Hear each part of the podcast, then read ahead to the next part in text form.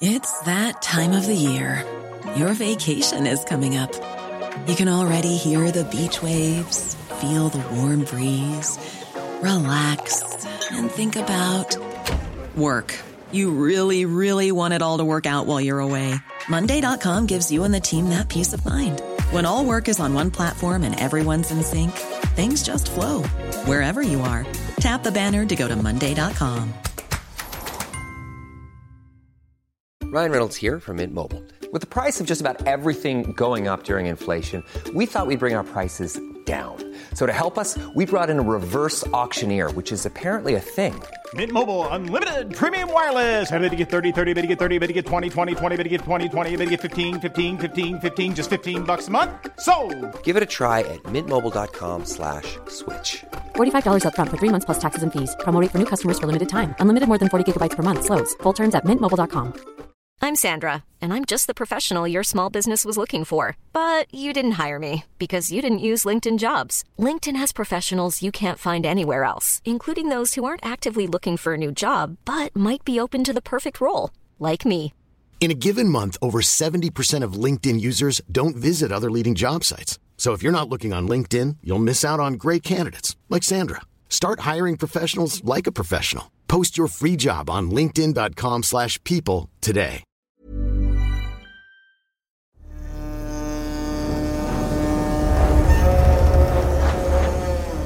Da vi går afsted fra Camp 4 af, der ligger der faktisk to omkomne. Og de er der ikke, der kommer ned, der ligger der en ny mand. Og han har helt splinter nyt udstyr på, det samme som mig, samme dundragt, samme støvler, det nyeste. Og det er skrækkeligt. Jeg har ikke styr på, hvor mange der dør under mit topforsøg, men 2023 er jo rekordår for omkomne. –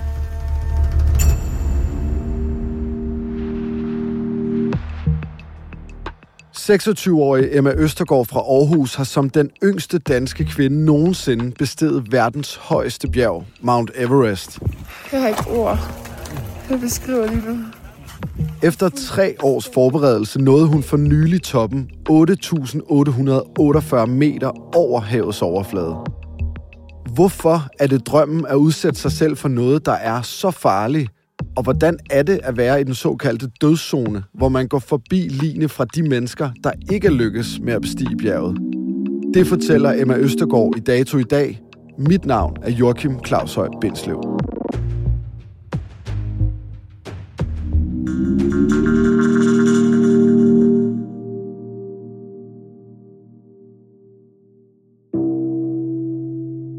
Emma, du er vokset op i Aarhus.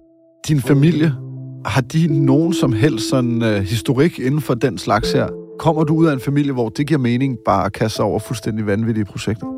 Absolut ikke. Nej, altså vi har camperet, og vi, du ved, vi har en, en mor, der løber, og en far, der fisker og sådan noget, men, men nej, slet ikke bjergbestiger. Det er en eller anden øh, syg idé, jeg selv har fået i min sabbatår faktisk, efter gymnasietiden. Så udviklede jeg det.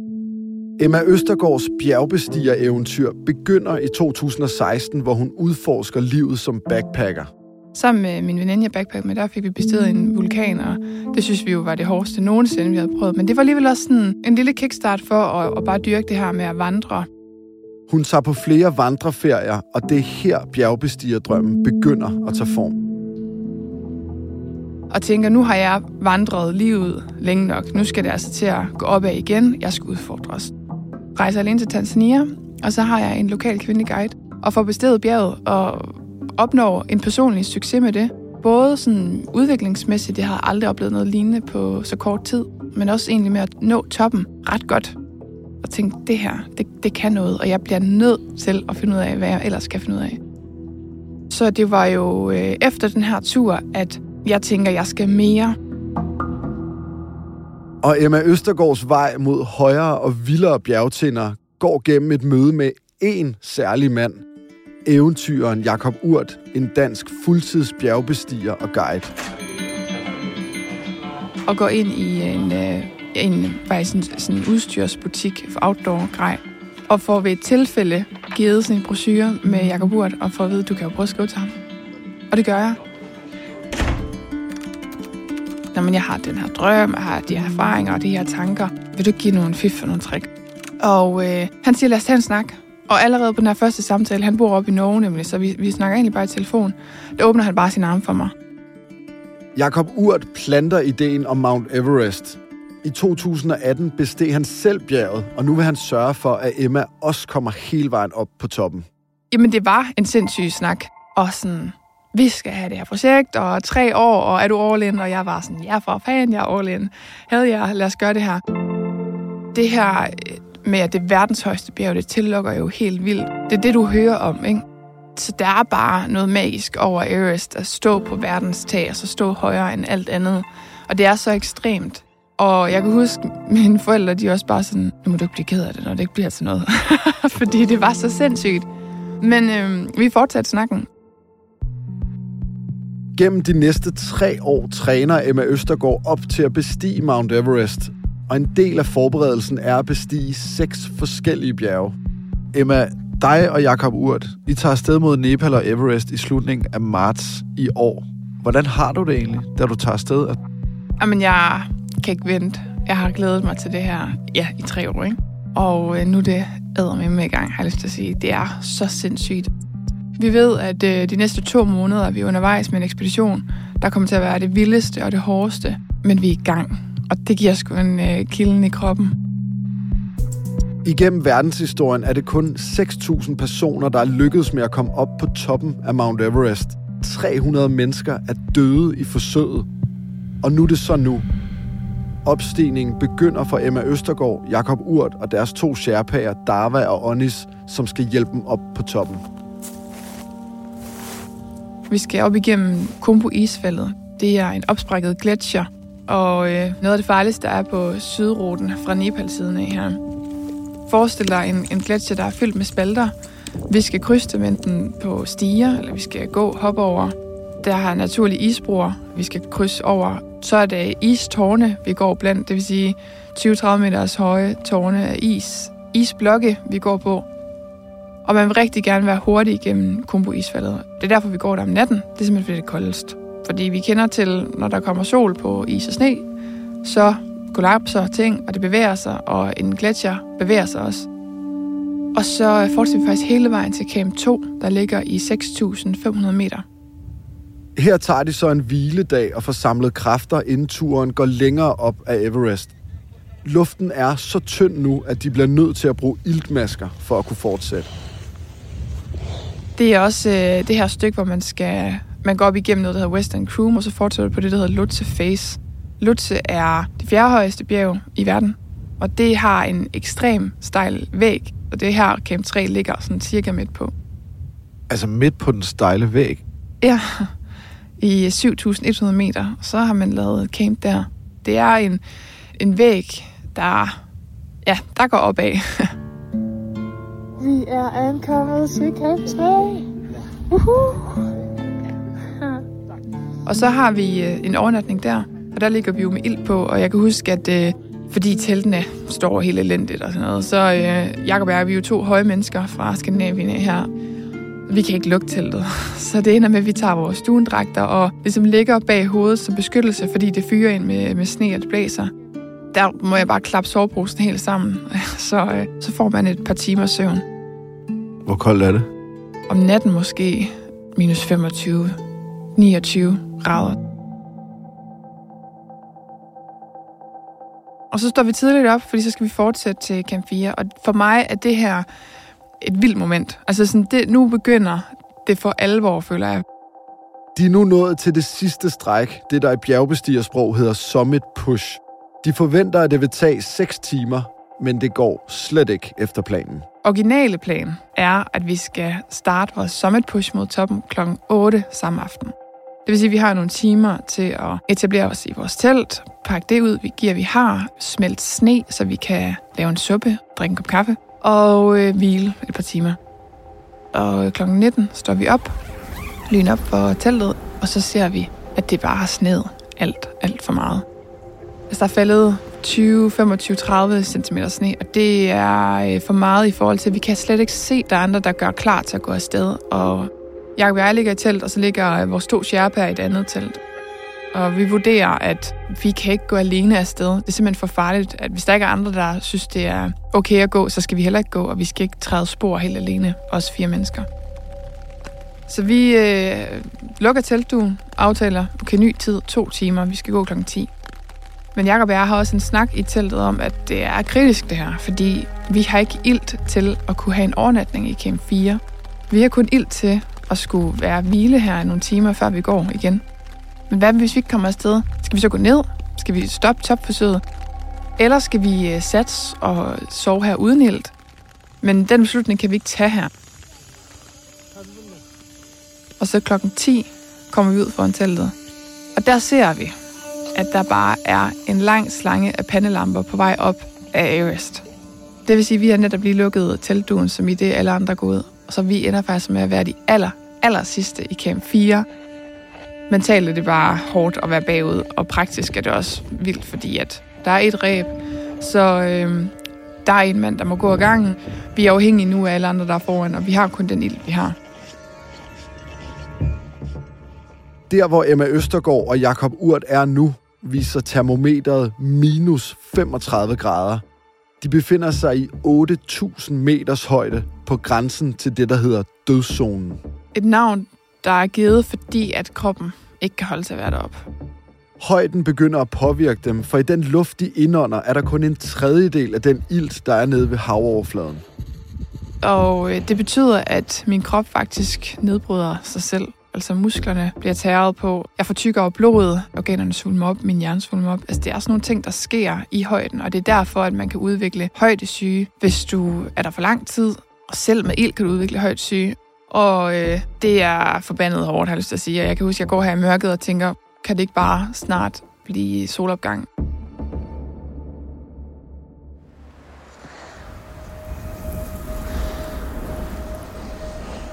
Jakob og jeg, vi sidder måske 10 meter fra hinanden, og vi sidder på en bjergkamp, vil man nok kalde det, en bridge kalder vi det.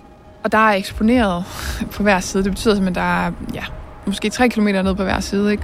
Vi går nu op på, på kanten af Everest der skal følge den hele vejen op til toppen. Det betyder også, at det blæser, så vi, selvom vi sidder med de her 10 meters afstand, skal vi ikke sådan snakke med hinanden. Og øh, der øh, skal vi skifte ildflaske også. Jeg sidder sammen med Onis, min øh, Sherpa der, og han frakobler min maske til ilten. Og øh, så sidder jeg uden ild, og så skal han skrue den på den nye ildflaske. Og hver eneste gang, han skruer den fast, så kan jeg bare høre, at det siger, Shh! altså det siver bare ud med ild. Og det er bare hver eneste gang, han prøver på det. Og jeg når jo at tænke, shit, shit, shit, shit, altså nu forsvinder alt mit ild, og hvor meget vil der være tilbage i den her flaske? Og øh, vi er i 8.749 meter, når vi sidder her. 8.749? Ja. 100 meter fra toppen? Ja, men det tager lang tid at gå de sidste, fordi det er jo højdemeter. Det er jo ikke meter, men højdemeter direkte op, ikke? Men det er kritisk. Jeg får det dårligt nu, og jeg har ikke fået ilt i lang tid, og jeg er ikke akklimatiseret til at sidde deroppe så et stor højde uden ilt. Der går så lang tid, at jeg kan mærke, det prikker i fingrene og i læberne, og jeg bliver svimmel. Og jeg får sagt sådan til Onis, hvad gør vi? Og det ender med, at han tager sin iltmaske af, og så sidder vi og deler den. Og så viser det her barometer 0. Og jeg tænker bare, det er kraftet med løgn. Det betyder jo nu, at øh, mit topforsøg er færdigt. Jeg kan ikke gå op til toppen uden ilt, men jeg skal ned. Og han siger, den kommer. Den skal nok komme. Jamen, det kan vi da ikke stole på. Den har allerede vist 0 en gang. Men den kommer, altså den viser ikke fuldt flaske, men den viser, at der er nok i hvert fald, til at vi både kan komme op og ned. Og det må jeg jo stole på. Og det gør jeg også. Jeg stoler på ham. Og så skal han skifte sin egen. Og den driller egentlig også. Men øh, imens han er i gang med det, så kigger jeg så over på Jakob. Og han Sherpa er også i gang med at skifte hans ildflaske. Og der ser jeg, at øh, Sherpa han taber den her ildflaske.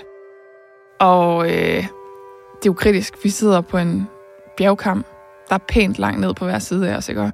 Og det her første mirakel sker. Altså, der må være nogen, der holder hånden over os. Fordi der er en sten lidt længere nede på bjergsiden, og det er jo sned om natten, så det her nye faldende sne har jo lavet sådan en kant rundt om stenen, og i den her kant, der bliver ildflasken fanget. Og øh, Sherpan, han klipper sig ud af rebet og går de her til 15 meter ned til stenen for at hente ildflasken. Og jeg ser, han får den samlet op, og han går op mod Jakob. Og øh, så klikker han sig ind i rebet igen, og vi får tilkoblet ilten, og så fortsætter vi jo faktisk derfra.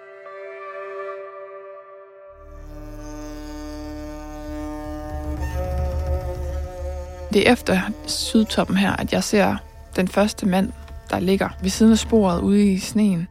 Men jeg mangler ord for det her, fordi det er så unaturligt og så langt fra noget. Altså, det er, jo, det er jo skræmmende, og det er frygteligt, og det er ubehageligt.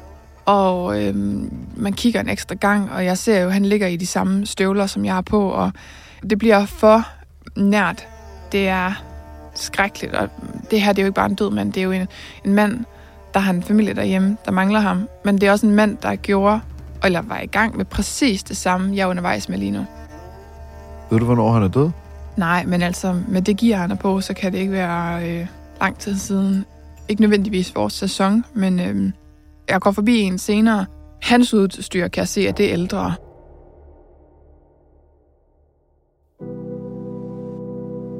Du går forbi flere døde mennesker, Emma. Du er i den der dødszone sammen med de andre. Jeres ildflasker, de svigter. Og hvad så med de sidste meter op til toppen? Der øh, går jeg sammen med min Sherpa Oni, så vi, øh, vi når toppen jamen 20 minutter før øh, Jakob og hans Sherpa guide der, og det er jamen det største moment i mit liv. Det er det vildeste. Jeg har ikke ord, der beskriver lige nu. Hvor fuldstændig magisk og fantastisk det er. Og hvor fucking hårdt det også var. Og jeg er fyldt med alle følelser. Det er udmattelse, og det er lykke. Det er en lettelse, fordi jeg er her nu, og jeg forstår det ikke selv, og det gør jeg stadig ikke, når vi sidder her og snakker om det, fordi det er så sindssygt, det man har været igennem. Og det har været så forbandet hårdt. Det er så magisk, og jeg sidder og kigger herude, og jamen, har, kan se ruten op fra nordsiden af og fra Tibet af, og kan jo også sidde med det ene ben i Tibet, mens jeg har det andet i Nepal, ikke? og får hængt min bedeflag op, og øh, får taget mit billede, og Jakob kommer, og vi får fejret det og krammet, og jamen, jeg har ikke ord, der kan redegøre, fordi det føler ikke, de er store nok.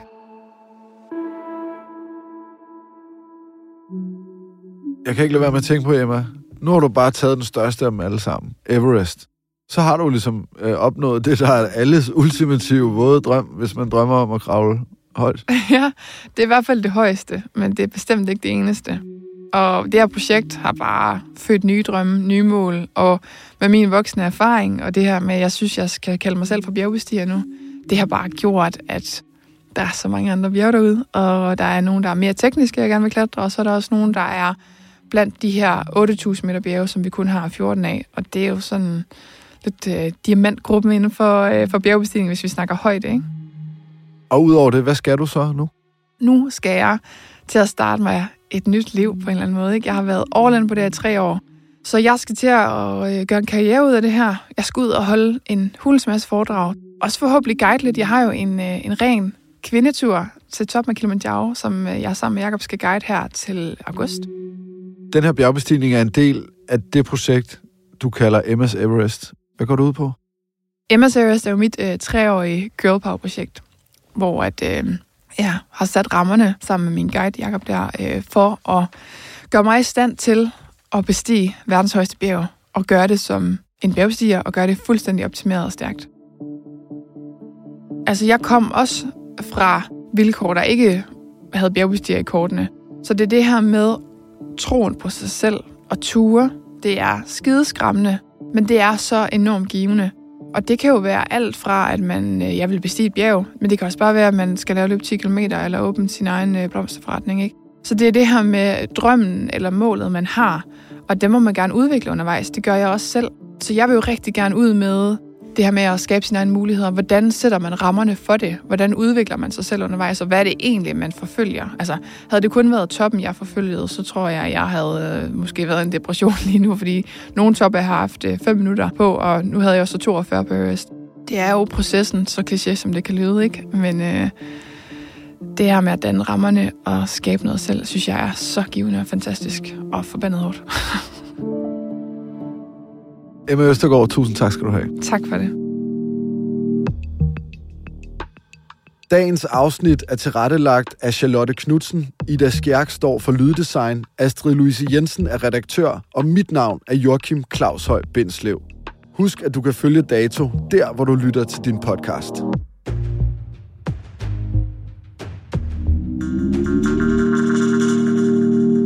Du har lyttet til en podcast fra TV2. Hey, it's Danny Pellegrino from Everything Iconic. Ready to upgrade your style game without blowing your budget? Check out Quince. They've got all the good stuff shirts and polos, activewear, and fine leather goods, all at 50 to 80% less than other high end brands. And the best part?